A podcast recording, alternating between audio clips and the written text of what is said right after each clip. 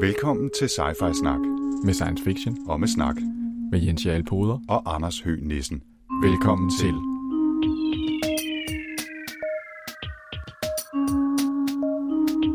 You're traveling to another dimension. A dimension not only of sight and sound, but of mind. A journey into a wondrous land whose boundaries are that of imagination.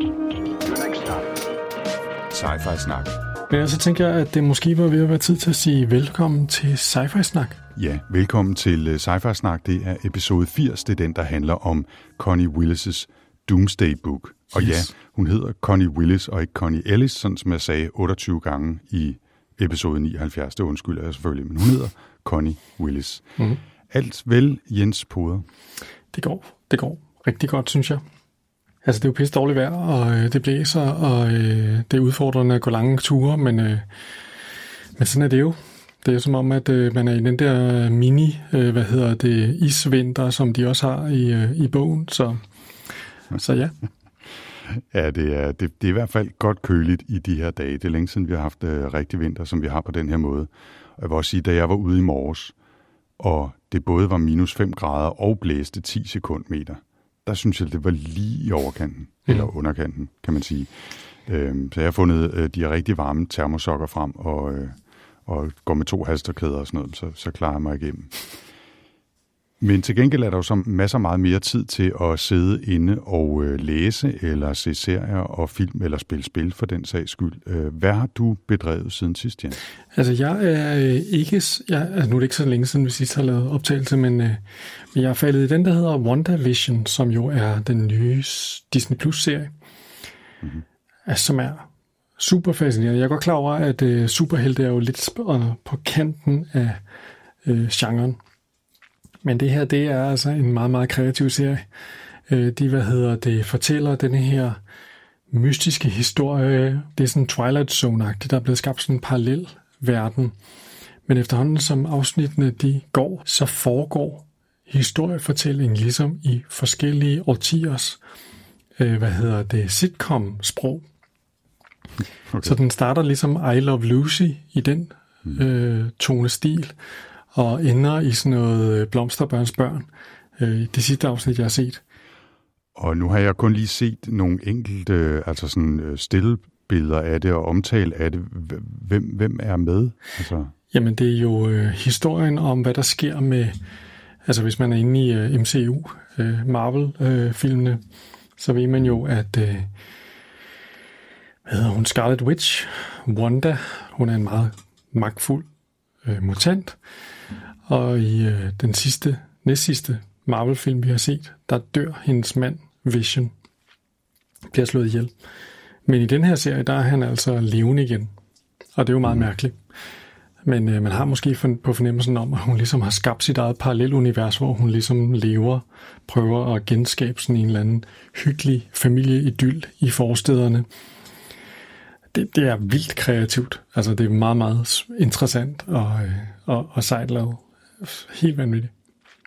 Så altså, hvis man øh, har Disney+, Plus, så kan jeg sagtens øh, anbefale, at man lige ser et par afsnit af det. Jeg tror, der har været fire afsnit, fem måske endnu. Altså, det, det kan godt være, det er lidt svært at vide, hvad man ligesom skal gøre med serien, hvis man ikke kender øh, Wanda Maximoff og Vision og de her karakterer i forvejen. Det skal jeg ikke udelukke. men nu er der jo rigtig, rigtig mange, der har fulgt med i Marvel Cinematic Universe med alle de her øh, film, øh, der har været. Og, og sikkert også serier øh, rundt omkring på forskellige tv-kanaler, som jeg kan fulgt med i, fordi jeg lidt stod og ræset for en 8-9 år siden, eller noget af den stil. Ikke? Mm. Men, men den, ser, den ser spændende ud, og den, øh, jeg, har, jeg har været lidt fascineret af den der måde, man også bare kunne se på stillfotos fra serien, at den leger med, med stilen fra forskellige aldre af tv i virkeligheden. Ikke? Ja, jamen, og hele deres måde at spille på og sådan noget, det, det er ret imponerende gået.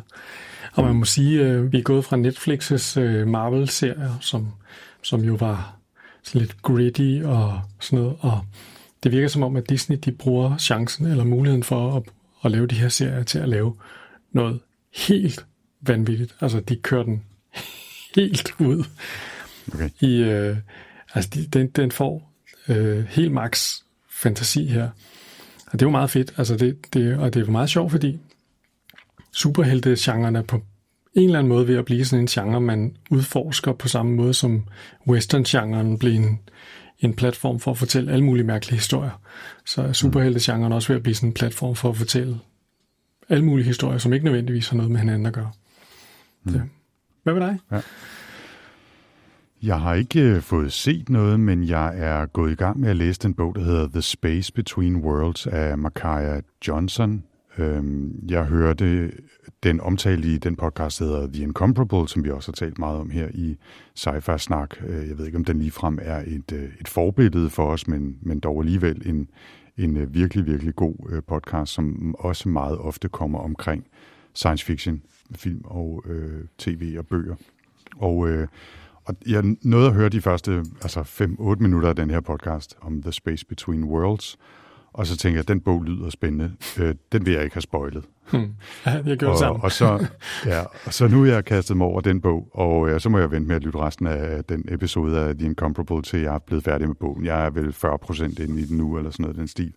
Øh, og kort fortalt, så er det en historie, der handler om en, øh, en verden, hvor man har fundet ud af at rejse mellem paralleluniverser.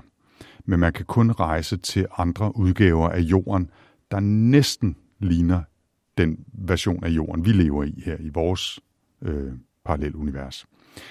Og, øh, og, og man kan kun rejse til et andet univers, hvis, hvis man selv er død i det andet univers. For man kan ikke være, altså jeg vil ikke kunne møde mig selv i et parallelt univers. Mm. Så, så det er kun nogle, et, et lille udvalg af mennesker, der kan rejse mellem de forskellige universer, og så samler de data og prøver at, at samle ny viden, og måske også øh, er der lidt forskel i, hvor langt et, et parallelt univers er fremme, så kan man måske også lave lidt sådan lidt hyggeaktiespekulation, øh, fordi man har fået nogle input til, hvilke øh, firmaer, der stiger i værdi, osv. osv.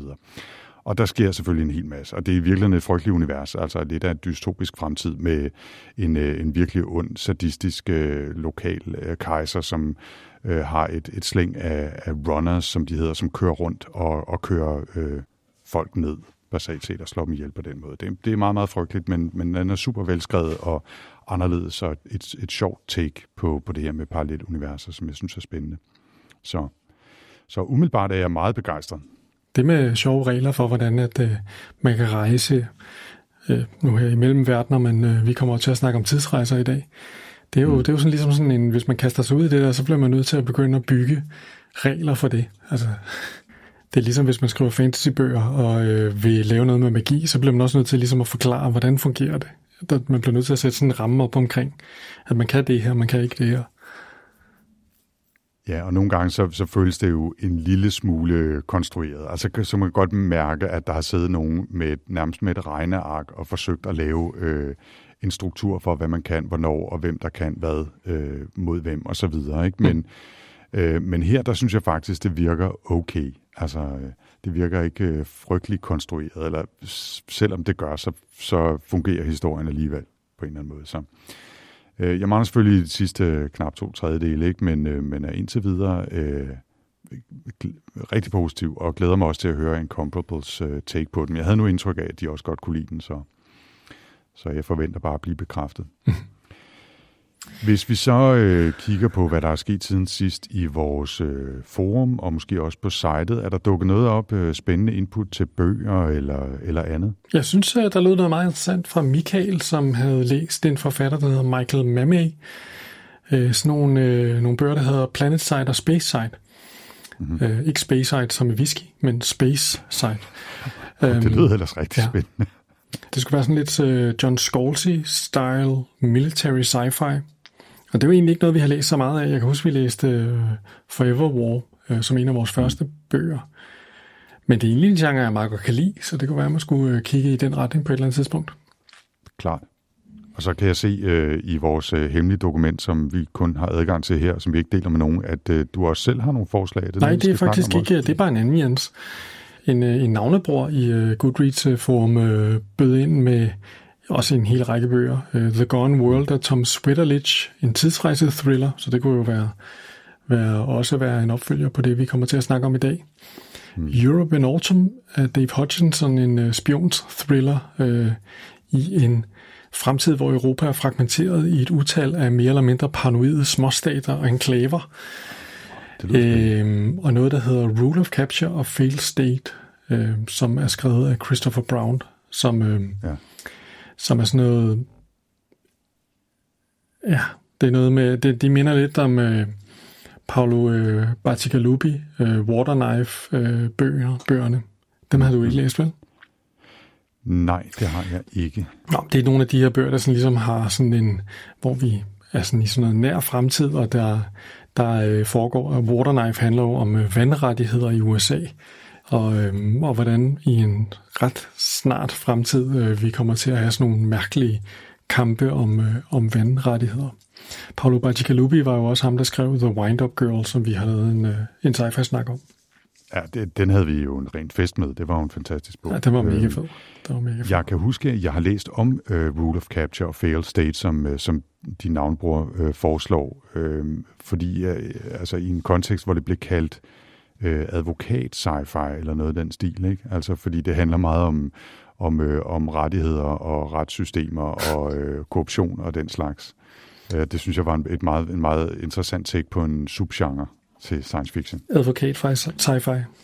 Ja, lige præcis. Ja. Det lyder fedt. Ja, men ja det, jo, det kan det jo være, altså øh, på den rigtige måde. Ikke? Øhm, retssalsdramaer kan jo sagtens være interessante. You can't handle the truth. You can't handle the future. ja. Der var lige et slogan der. Mhm. Ja. Øhm, spændende forslag, synes jeg, øh, som øh, jo kan give os inspiration på et eller andet tidspunkt. Jeg er jo, det er jo dig, der skal vælge bog i dag. Hvem ved, om der dukker et eller andet op? Ja, det er jo tit, at uh, sådan nogle her bøger her, de står og gærer lidt. Altså, de her forslag, de står tit lige og, og øh, modner lidt på hylderne, før de, øh, før de bliver taget op. Men det kan sagtens være. Det, er jo, det, vi skal jo heller ikke, det skal jo heller ikke lige pludselig ligne, at vi bare øh, tager det op, som folk skriver ind til os. Så der er lige sådan en uh, grace period, ikke? hvor de Jo. lige får lov til at ryge i kantænen en, øh, en episode eller to, og så kan vi vende tilbage til dem og lade som om, det var noget, vi selv fandt på. Ikke? Vi er ikke gået øh, fuldstændig de ringer, vi spiller endnu. Nej, men måske skulle vi gøre det. Måske skulle vi simpelthen sige, at vi laver et udvalg af 10 bøger, og så lader vi øh, brugerne stemme om, hvad der skal være den næste bog, øh, eller til den sidste bog inden sommerferien, eller et eller andet. Det kunne måske være meget sjovt at prøve. Det kan vi sagtens gøre. Den er, den er lige skrevet ned som lytternes øh, valg. idé. Ja, lige præcis. Ja. I, I ringer, I, I, I stemmer, vi læser. Så er den der. Det gør vi. Ja. Nå, skal vi snakke om Doomsday Book? Ja, det skal vi. Og øh, det var jo mig, der havde valgt den til den her gang. Og øh, hvis man ikke øh, fulgte med i episode 79, eller kan huske, hvad vi snakkede om der, så valgte jeg jo den her Doomsday Book af Connie Willis, fordi den delte Hugo Award med øh, A Fire Upon the Deep, som vi jo læste i øh, sidste episode i 79'eren af Werner Vinci. Øhm, og, og den pris delte de i 1993. Og sagt meget kort, så er det en tidsrejsebog, øh, som foregår øh, både i Oxford i England i 2054 og så tilbage i 1300-tallet.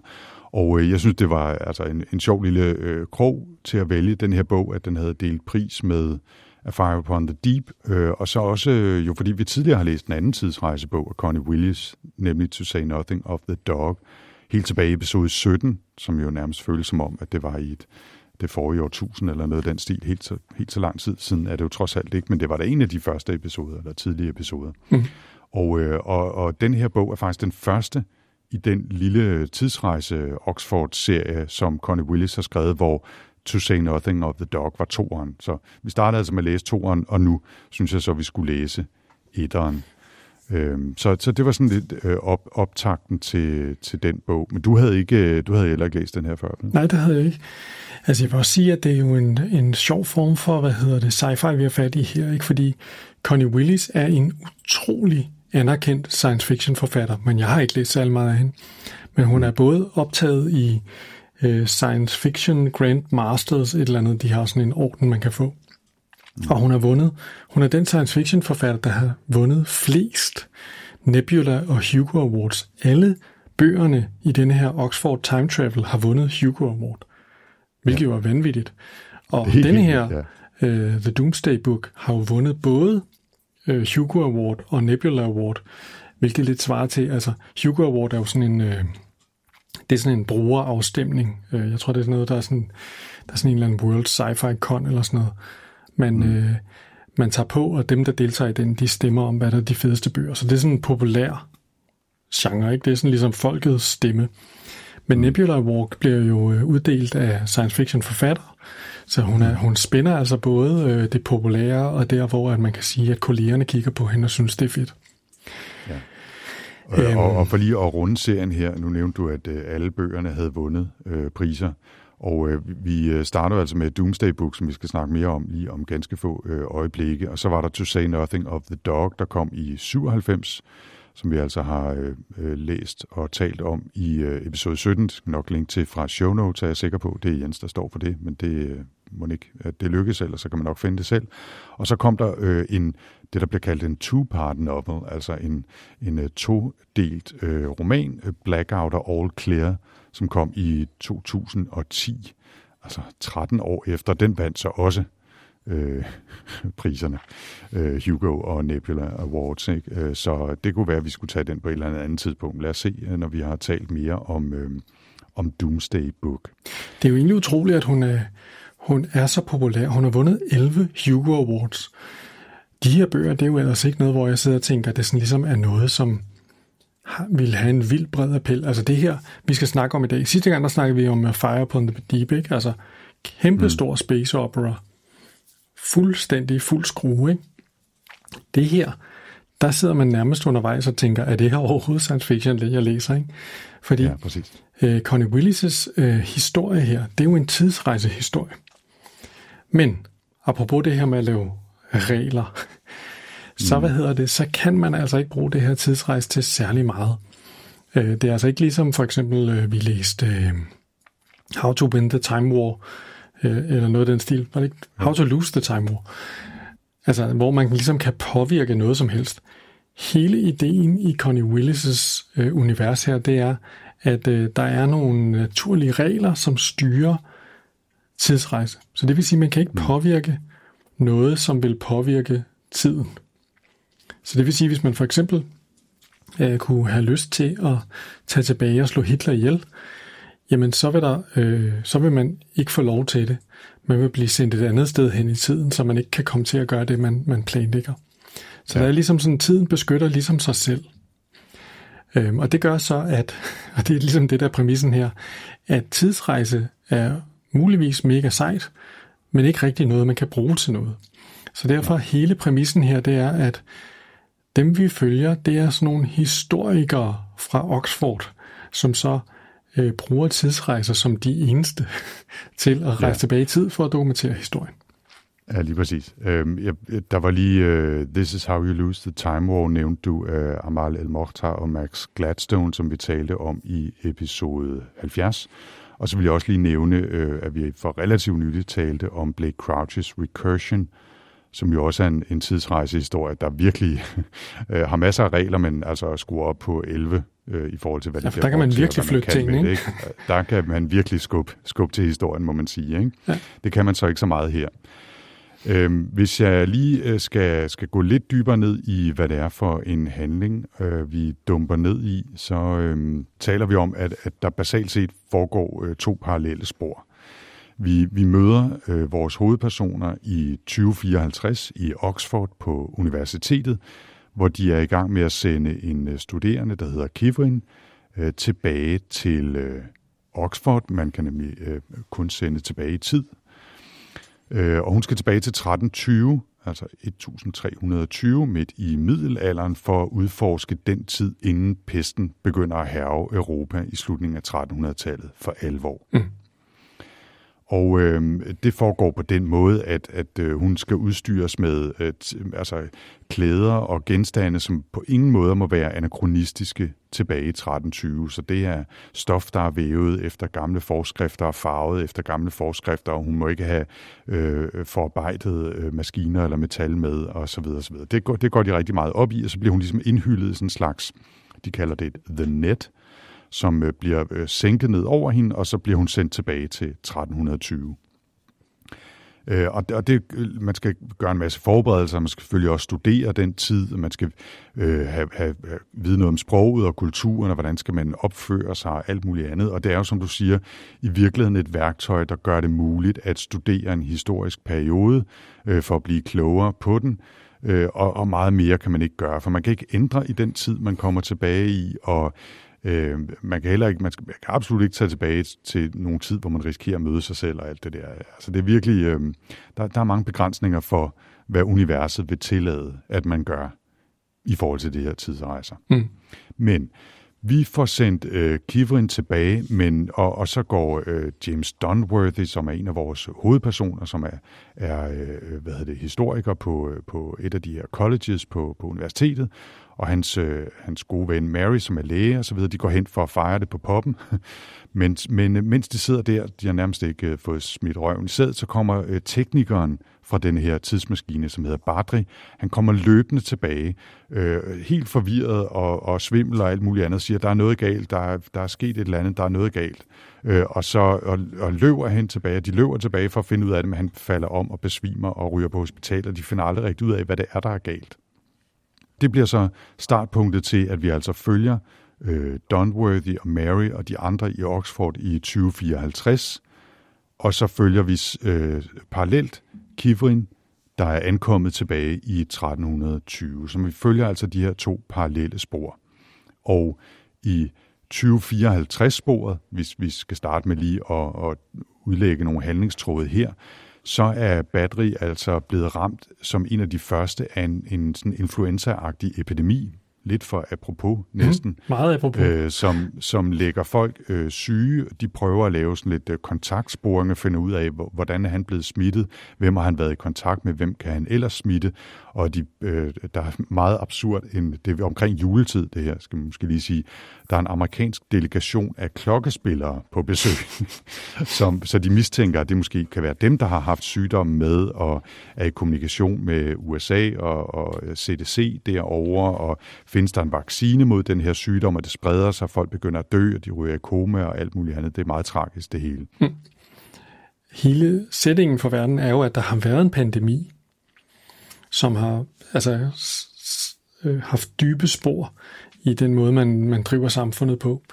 Så, mm. så, så, så det er sådan en postpandemisk øh, tidsalder, vi lever i, og det, det påvirker ligesom sådan, hvordan at, altså de er totalt klar til at håndtere alt det her, og de ved virkelig, hvordan man håndterer sygdomme, og de har alle mulige for, former for, for værktøjer. Men altså den her influenza, den, øh, hvad hedder det, den, den kan de simpelthen slet ikke få styr på, de ved slet ikke, hvor den er kommet fra. Det er en stor ja. del af historien i 2054, det er jo at finde ud af, hvordan det her hænger sammen. Og hvis man ja. nu bare kunne forestille sig, at folk de var gode til at samarbejde, så ville det jo, så ville det jo ikke være noget problem. Men en, en stor del af denne her historie, og noget af det, som hun jo er, er ret god til, Connie Willis, det er at lave de her fortællinger med en hel masse mennesker, som bare er nogle kæmpe idioter, som hele tiden optager deres egen verden og sådan noget. Og, altså i, i det hele taget, så synes Donworthy, at det er fuldstændig vanvittigt at sende Kivrin afsted til middelalderen. Han synes ikke, de har, hvad hedder det, forberedt sig nok. Altså alle de der øh, planer, der er lagt, jeg synes han er, er, er fuldstændig halvbagte. Det, der skal siges, det er, at middelalder øh, rejser er ikke noget, man har foretaget før, fordi det blev vurderet til at være for farligt. Men øh, ham, der hvad hedder det, normalt bestemmer på historiefakultetet, Bassingame, han er på tur, han er på sådan en fisketur. Og derfor er der nu en, en gut, der hedder Gilchrist, som er, hvad hedder det, øh, ham der leder, hvad hedder det, øh, middelalder øh, afdeling, som ser sit snit til at, hvad hedder det, nu åbne middelalderen op og få sendt øh, Kivrin afsted i en fucking fart. Han er totalt ligeglad med de normale procedurer. Han vil bare have, at nu skal middelalderen have døbet snabelen i det her tidsrejse, som de ellers har været blokeret for før. Gilchrist han tager bare ikke imod nogen som helst form for logik, fordi han ser det hele som en, en magtkamp på, på universitetet mellem de her to fakulteter. Øh, Dunworthy, som hvad hedder det jo, øh, kommer fra Balliol, som er dem, der fokuserer på øh, det 20. århundrede. Øh, og Gilchrist han mener, at det er fordi, at de er, er misundelige på ham og hans, hans fede øh, projekt og sådan noget. Det. Og det er der, hvor den ligesom drejer over og bliver sådan en klassisk engelsk comedy of manners, hvor at folk opfører sig helt åndssvagt. Og, og det er bare en af de, hvad hedder det, konflikter, vi har omkring den slags i, i denne her øh, mm. øh, 2054-verden. Altså vi har også ja. en mor, som er optaget af at holde sin søn rask og sådan noget. Det, det er fyldt med sådan nogle klassiske, engelske, rigtig britiske karakterer, som bare er simpelthen så selvhøjtidelige og selvvigtige ja. og, og kommer på, på kryds og tværs af hinanden hele tiden. Ja, altså jeg vil sige, hvis man har læst P.G. Woodhouse, øh, så, så vil man føle sig meget hjemme her. Ja. Det, det, det er den type, øh, altså sådan lidt småfjollet forviklingshistorie med folk, der gør alt det forkerte og ikke kan finde ud af at tale sammen og, og ruder rundt i, i tingene. Og der er, altså, det er nærmest en slags øh, verbal fald på halen komedie, meget af det. Ikke? Mm. Altså, øh, det regner hele tiden, de bliver alle sammen våde, og der er en, øh, en grandnevø med, som, som hele tiden spiser hold kæft bolcher og sidder og lægger det i lommen, og, og James Donworthy får sådan, lidt, får sådan lidt dårligt, hver gang han hiver det der bolcher op i lommen og fjerner fnug fra det og smider det ind i kæften igen og så videre. Ikke?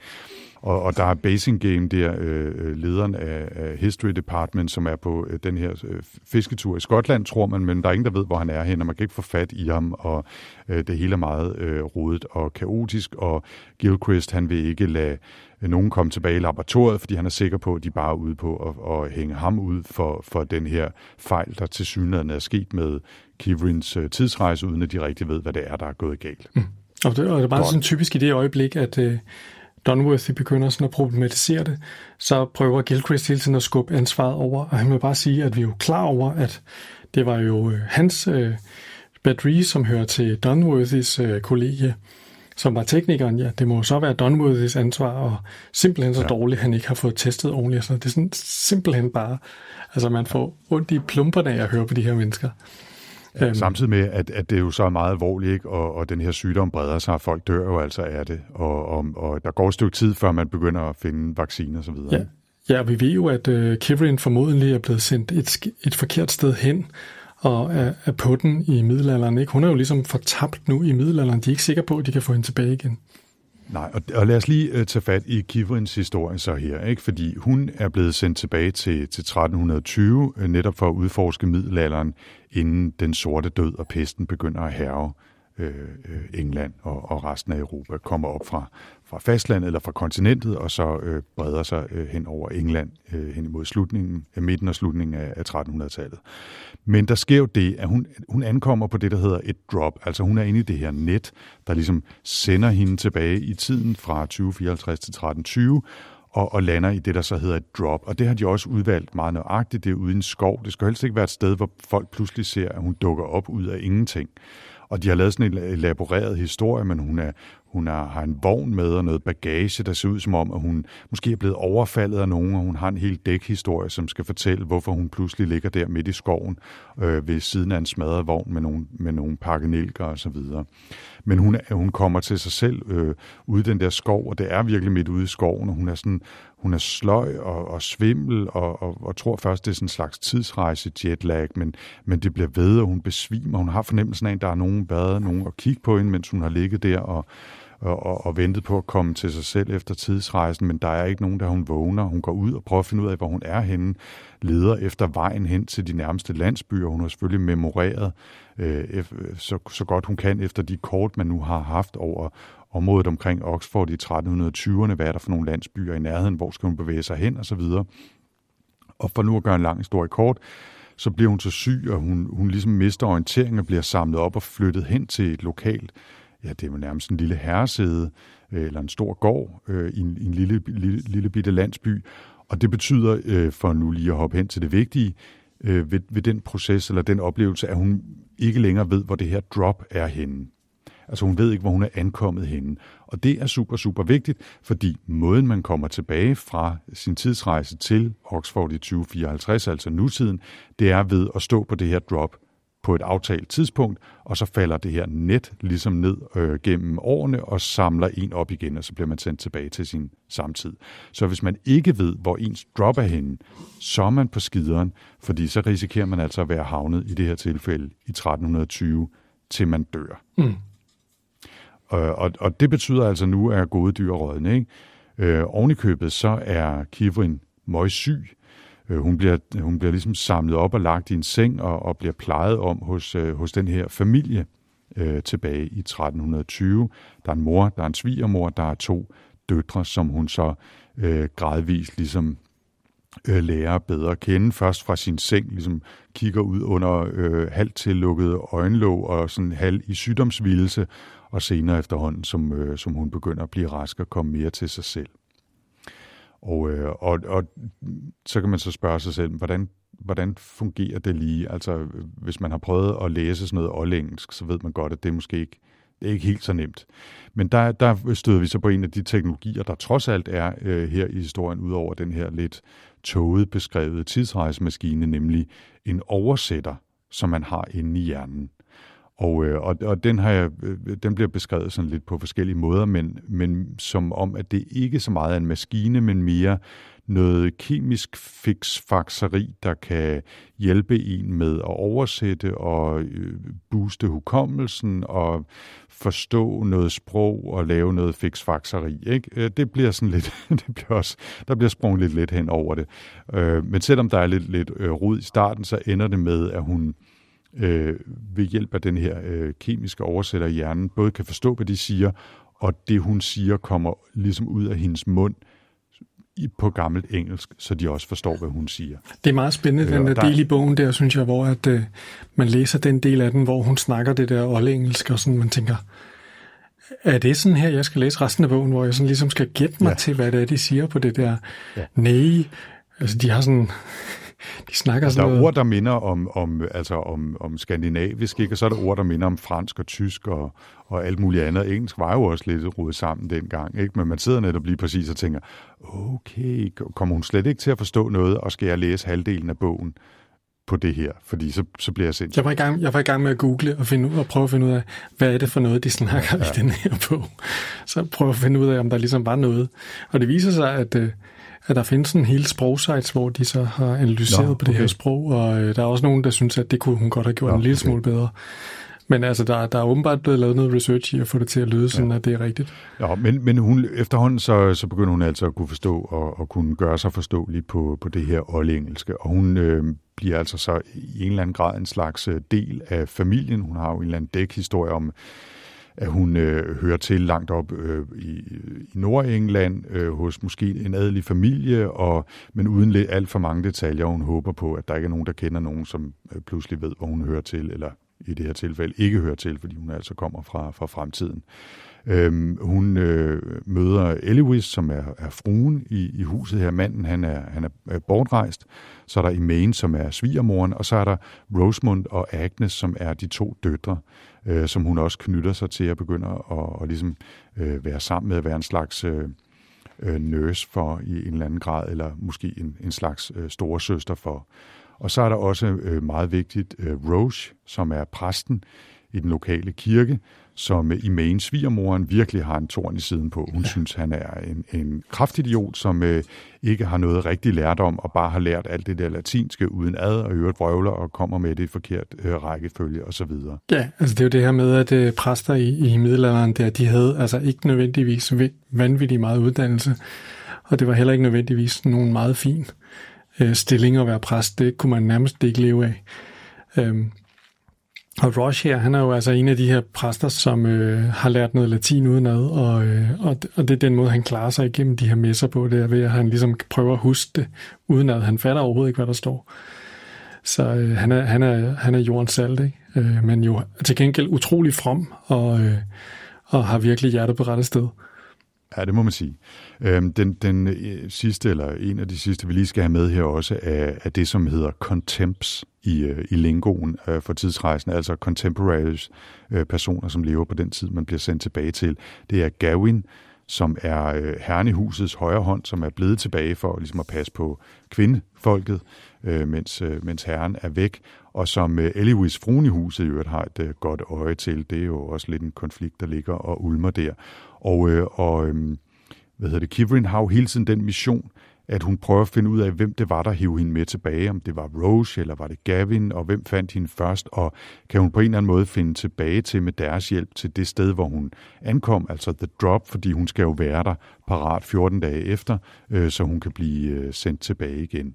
Og, øh, og det øh, øh kører der så en masse øh, konflikter med, at hun ligesom prøver at finde på historier, som gør, at hun, at hun har nok fået hukommelsestab, og det er derfor, hun ikke kan huske noget som helst. Men hvis hun nu kom tilbage til der, hvor de fandt hende, så kunne det være, at hun øh, huskede, at hun var blevet overfaldet af nogen, og så kunne det være, at hendes hukommelse kom tilbage, og det lykkedes aldrig rigtigt for hende at komme tilbage. Det bliver jo mere og mere øh, presset, fordi hun skal gøre det øh, findes tilbage til sit drop på, på et bestemt tidspunkt, ellers så går det virkelig galt. Ikke? Mm.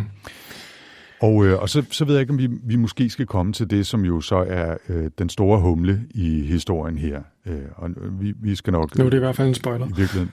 Nu, nu er det nok øh, ved at være spoilerhorn her. Ikke? Altså, men der sker jo det, at øh, det går op for både øh, Dunworthy i 2054 og Bardri og, øh, og for Kivrin tilbage i tiden, at hun er blevet sendt tilbage ikke til 1320, men til 1348.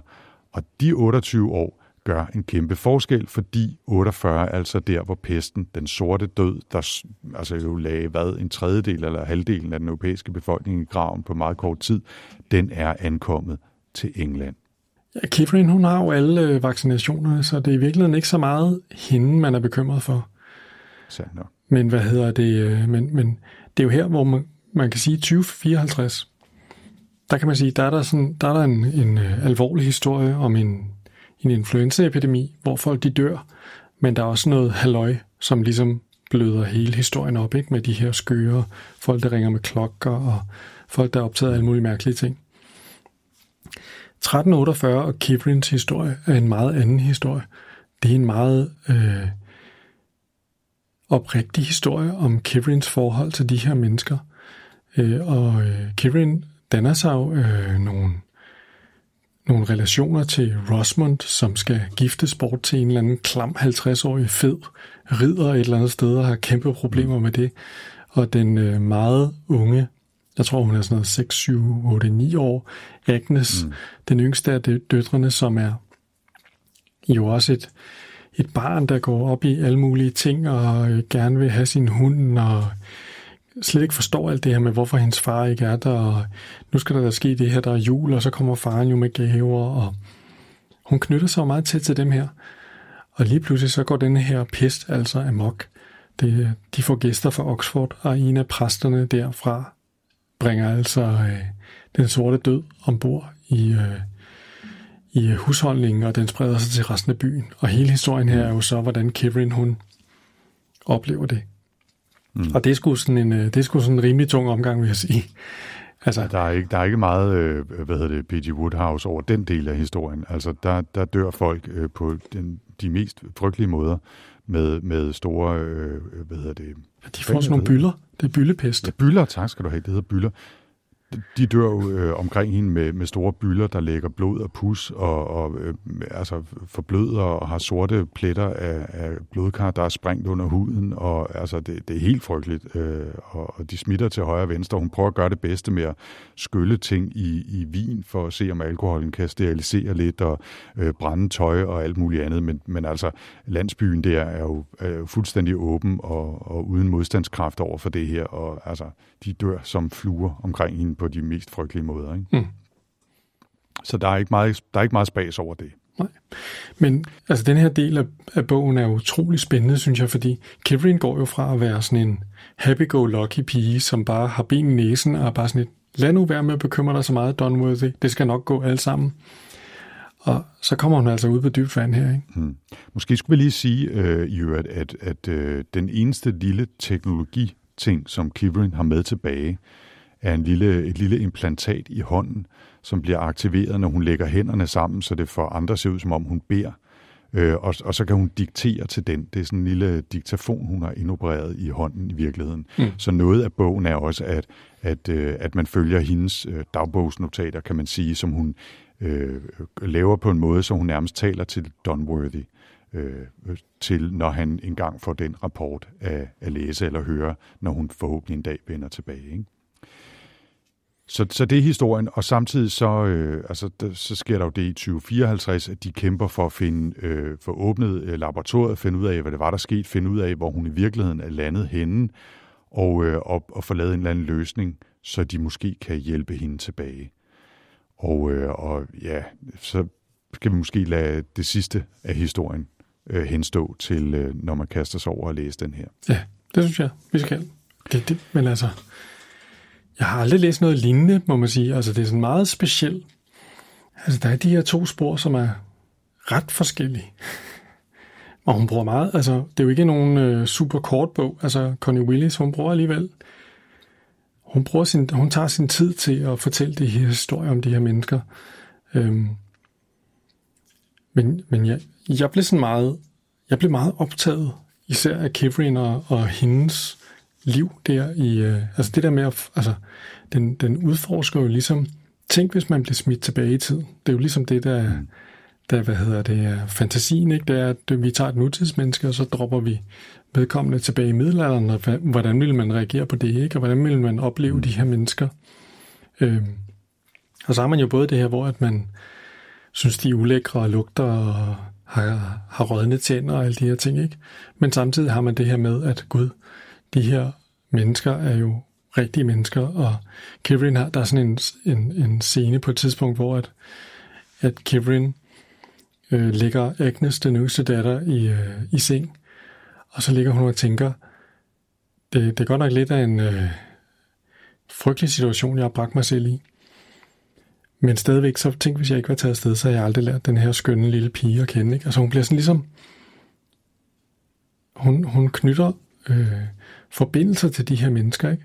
Øh, også til den her præst, som er, som er meget fine, synes jeg, og meget ægte.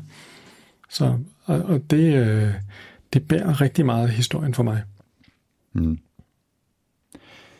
Måske skulle vi, øh, lige før vi følger de sidste detaljer på, så bare øh, tro det ring røv og komme med en vurdering. Mm. Og øh, jeg ved ikke, om du har lyst til at lægge ud?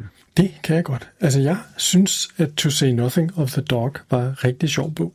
Den første, vi har læst. Ja, men jeg tror ikke, jeg gav den meget mere end tre stjerner. Fordi jeg synes mm. alligevel også, den var lidt for noller på en eller anden måde. Den væltede bare rundt over det hele. Og, øh, og den var i den grad en comedy of manners. Men jeg synes, den manglede ligesom sådan en, en kerne på en eller anden måde.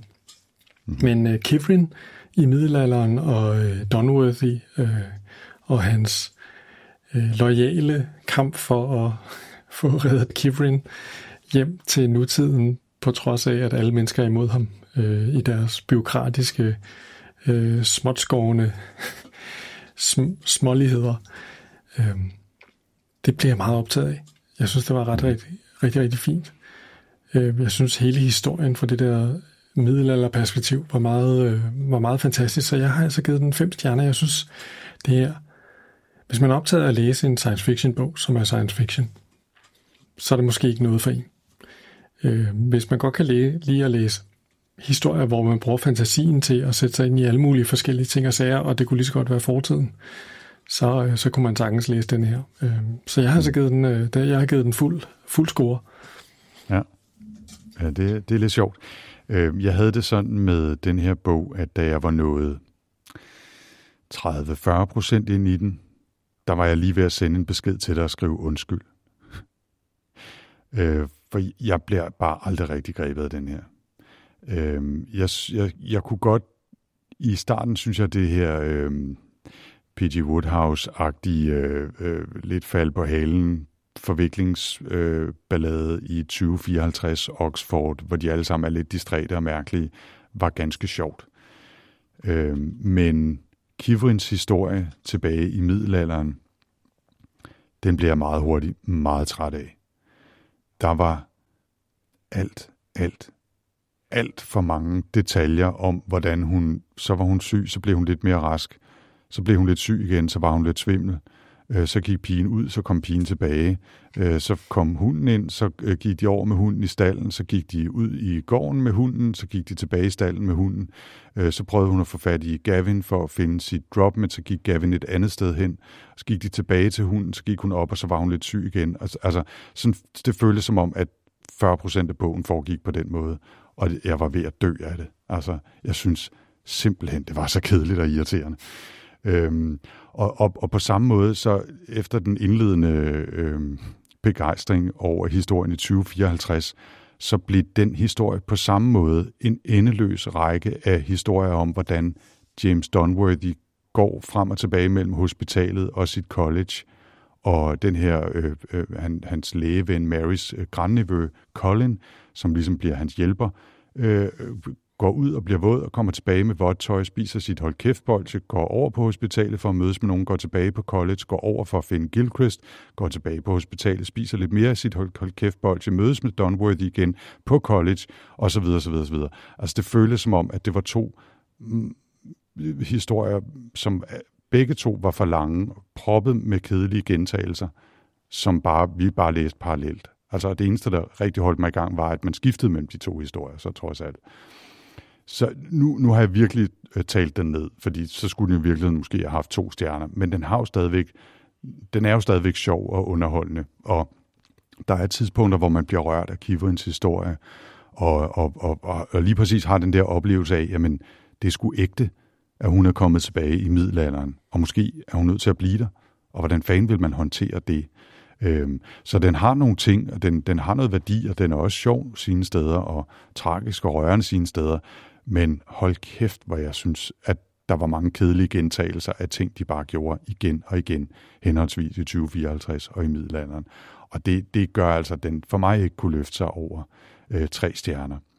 Og så er der en, en, en ekstra ting, og det kan man næsten ikke øh, klandre øh, hende for. Hun har jo trods alt skrevet den her bog tilbage i 92 øh, og fik øh, en pris i 93. Ikke? Men den her fremtidsby, altså Oxford i 2054, som hun beskriver, den er nærmest ikke til at forveksle fra Oxford i 1992.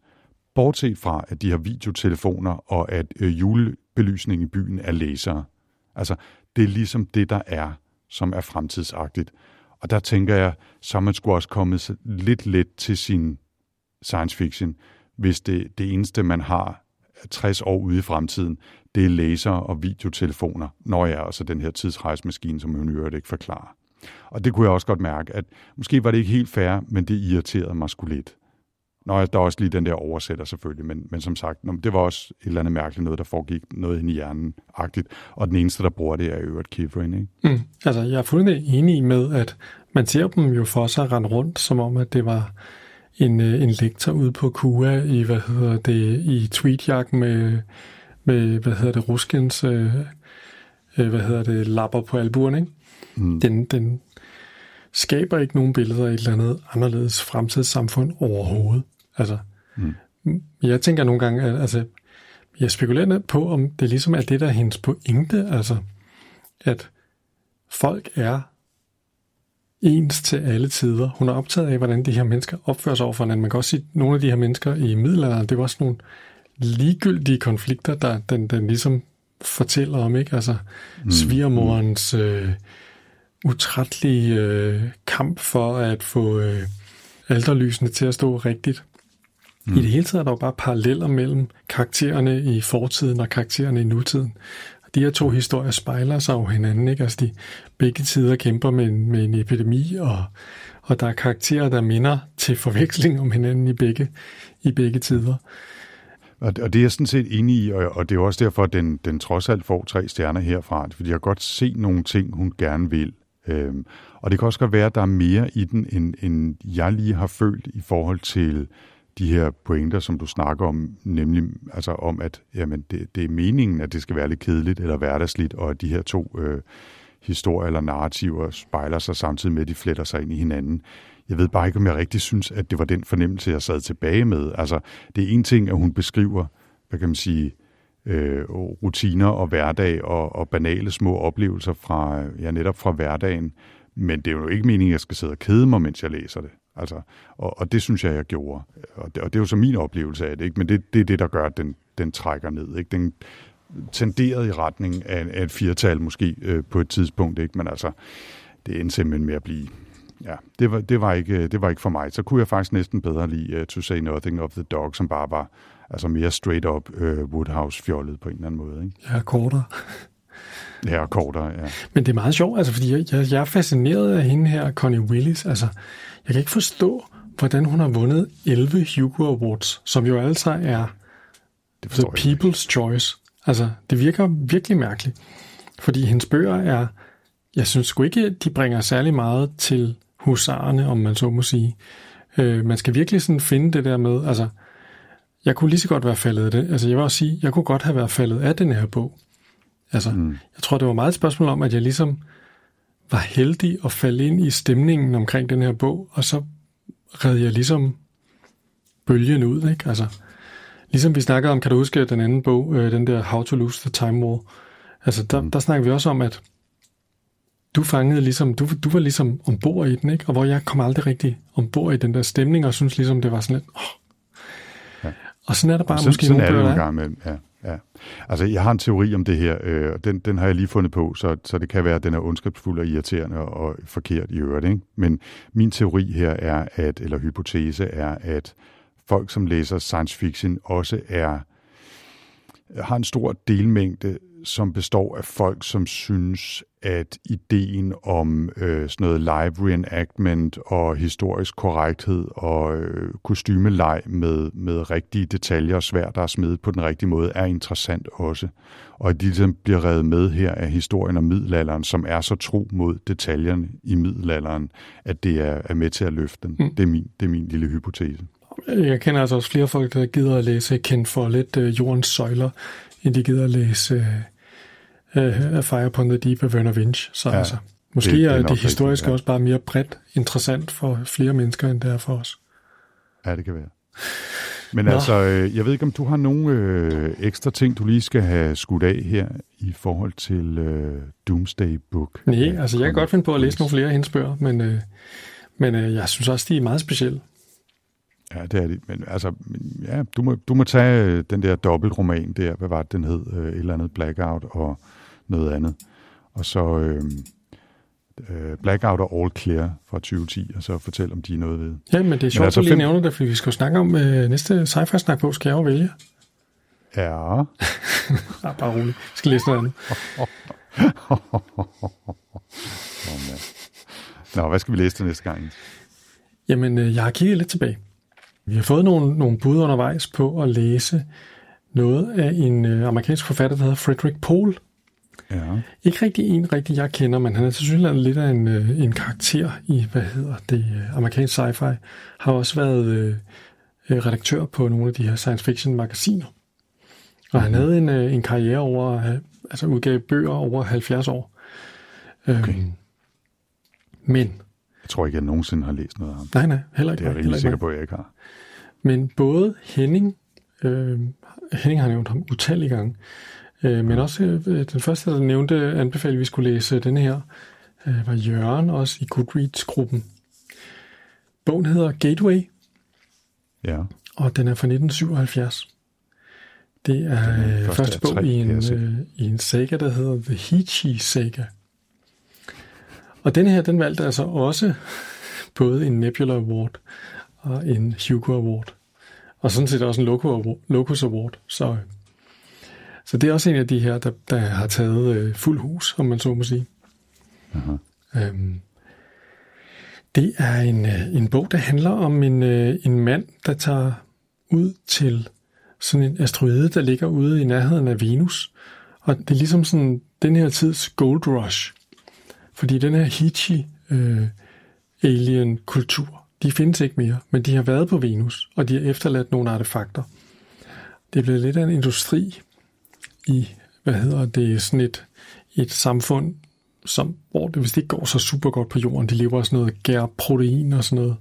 Øh, og, øh, og det, det, det, det er for nedadgående, vil man sige. Og der følger vi altså hovedpersonen øh, Bob, eller Robinette, som øh, i desperation bruger sin kæmpestore lotterigevinst på at prøve at tage til Gateway for at prøve lykken. Øh, okay. Som rum prospector hedder det i den engelske version. Det er sådan en guldgraver, vil man mm. vel sige. sådan en, der skal ud og prøve at se, om man kan finde en skat. Så øh, det, Det, det lyder spændende. Ja. Kan, jeg, kan jeg lige give dig en lille indblik bag øh, kulissen her? Mm. Fordi det, der jo øh, sker typisk, det er, at jeg går i øh, Amazons Kindle Shop, fordi jeg læser 98-99 procent af mine bøger som Kindle-bøger Ja. på, øh, på min Kindle. Ikke? Ja. Og øh, Du kan preorder den til står- 2035. lige præcis. Ja, Jeg- så det, det, næste, jeg- det, skal jeg også lige have sagt, at der kommer til at gå lidt tid, før vi får øh, udgivet Der, den næste. den, den koster kun, den er sat ned fra, øh, fra øh, hvad hedder det, 17 dollars til 3 dollars og 60 noget lige at se, og tænkte, åh oh, fedt. Øh, og så står der, at den kan pre-order, så tænkte, det var mærkeligt, den er fra 78 øh, eller 77. Øh, og så står der, at den først bliver leveret den 31. december 2035. Mm. Der er et eller andet, der er helt galt her. Så nu vil jeg gerne vide, Jens, er det en bog, jeg overhovedet kan komme i nærheden af? Altså, man kan købe den som paperback jo. Er for 72 dollars og 79, 89 cent, det er jeg ikke sikker på kommer til at ske. Ej, altså, man kan købe den i, man kan købe den i Fantastisk for 150 kroner. Ja, okay. Ja, ja, men det må jeg jo så se, hvordan jeg skaffer den på en eller anden måde. De 150 kroner. Man kan købe den også som hardcover for 768 dollars. Jeg er sikker på, at du nok kan finde den. Ellers kan du garanteret låne den på biblioteket eller et eller andet sted. Okay, Jeg har, okay, øh, ellers kan man købe den som lydbog på Audible. Ja, det er fint. Jeg har ikke på Okay, jeg, jeg, jeg skaffer den på en eller anden måde. Altså, uh, Frederick Poles Gateway. Ja. Alright. Jamen altså, jeg tænker, Poe, med de altså utallige P-O-H-L. opfordringer, vi har fået til at læse den, så kan du vel godt gøre en lille indsats. Jeg kan vel låne... Henning kan vel sende den, om ikke andet. Ja. Så kan vi låne den ham. Henning, ja. send Gateway til Anders. Efter du lige har splittet den af. Afsprittet. Ja, præcis. Nå, men det, det lyder super spændende, øh, og, og øh, jo så endnu en serie, man kan risikere at skulle læse flere af, hvis man øh, bliver glad for den. Ja, altså jeg tror, altså sådan som jeg har fundet ud af det, der hvad hedder det, er den oprindeligt skrevet som en selvstændig roman. Mm. Øhm, så, så det er ikke sådan en, der er bygget til. Det er meget sjovt, fordi det der med a- alien-teknologi og en gateway, der ligger ude omkring Venus, det lyder jo super meget som den der Expanse-serie, som jeg er rigtig glad for. Mm. Øh, men, øh, men det er der altså, øh, det her Frederick Pohl altså øh, arbejdet med meget tidligere. Og apropos Expanse, mm. så skulle vi måske lige her til allersidst, inden vi siger farvel og tak for den her gang, tease lidt. Fordi vi har jo faktisk tænkt os at optage en lille bonusepisode, som kommer her i dit feed mellem den her episode 80 og næste episode 81, hvor vi altså har læst Frederick Poles Gateway. Og det er en bonusepisode, hvor vi vælger øh, top 3 af sci-fi serier og top 5 af sci-fi film. Noget, som sker på opfordring på Twitter fra Anja, som altså har fået lov til at ønske en lille bonusepisode, som vi tænkte, den skal der ud i feedet mm. nu her til forhåbentlig at forsøge den fortsatte coronapokalypse derude. Ja, jeg kommer ikke til at vælge Expanse-serien til den, kan jeg godt sige dig. Nej, nej, men det var dog en anledning til lige at snakke om det. Okay. Mens man venter på det, Jens, øh, hvor kan man så øh, læse mere om, øh, om sci-fi snak? Jamen, øh, der er ligesom øh, to måder at gøre det på. Man kan jo tage på Goodreads til Goodreads-gruppen, hvor at, øh, der er masser, der hænger ud og kommer med bud på bøger, man kan læse og diskutere ting med hinanden. Og ellers så er der jo altid, øh, alle vores afsnit er også tilgængelige på sci hvor at, øh, vi også øh, debatterer og skriver kommentarer til de enkelte afsnit. Gør endelig det, og læs selvfølgelig også de bøger, vi snakker om, og fortæl, hvad I synes om dem, enten på sci eller i sci gruppen på Goodreads. Ja. Og så høres vi ellers ved, ikke bare i episode 81, som handler om Gateway, men også i en lille bonusepisode inden da. Yes. Indtil da, Jens, øh, så må du have det rigtig godt, og I må også have det godt derude. Pas godt på jer selv Yes. og hinanden. Hej.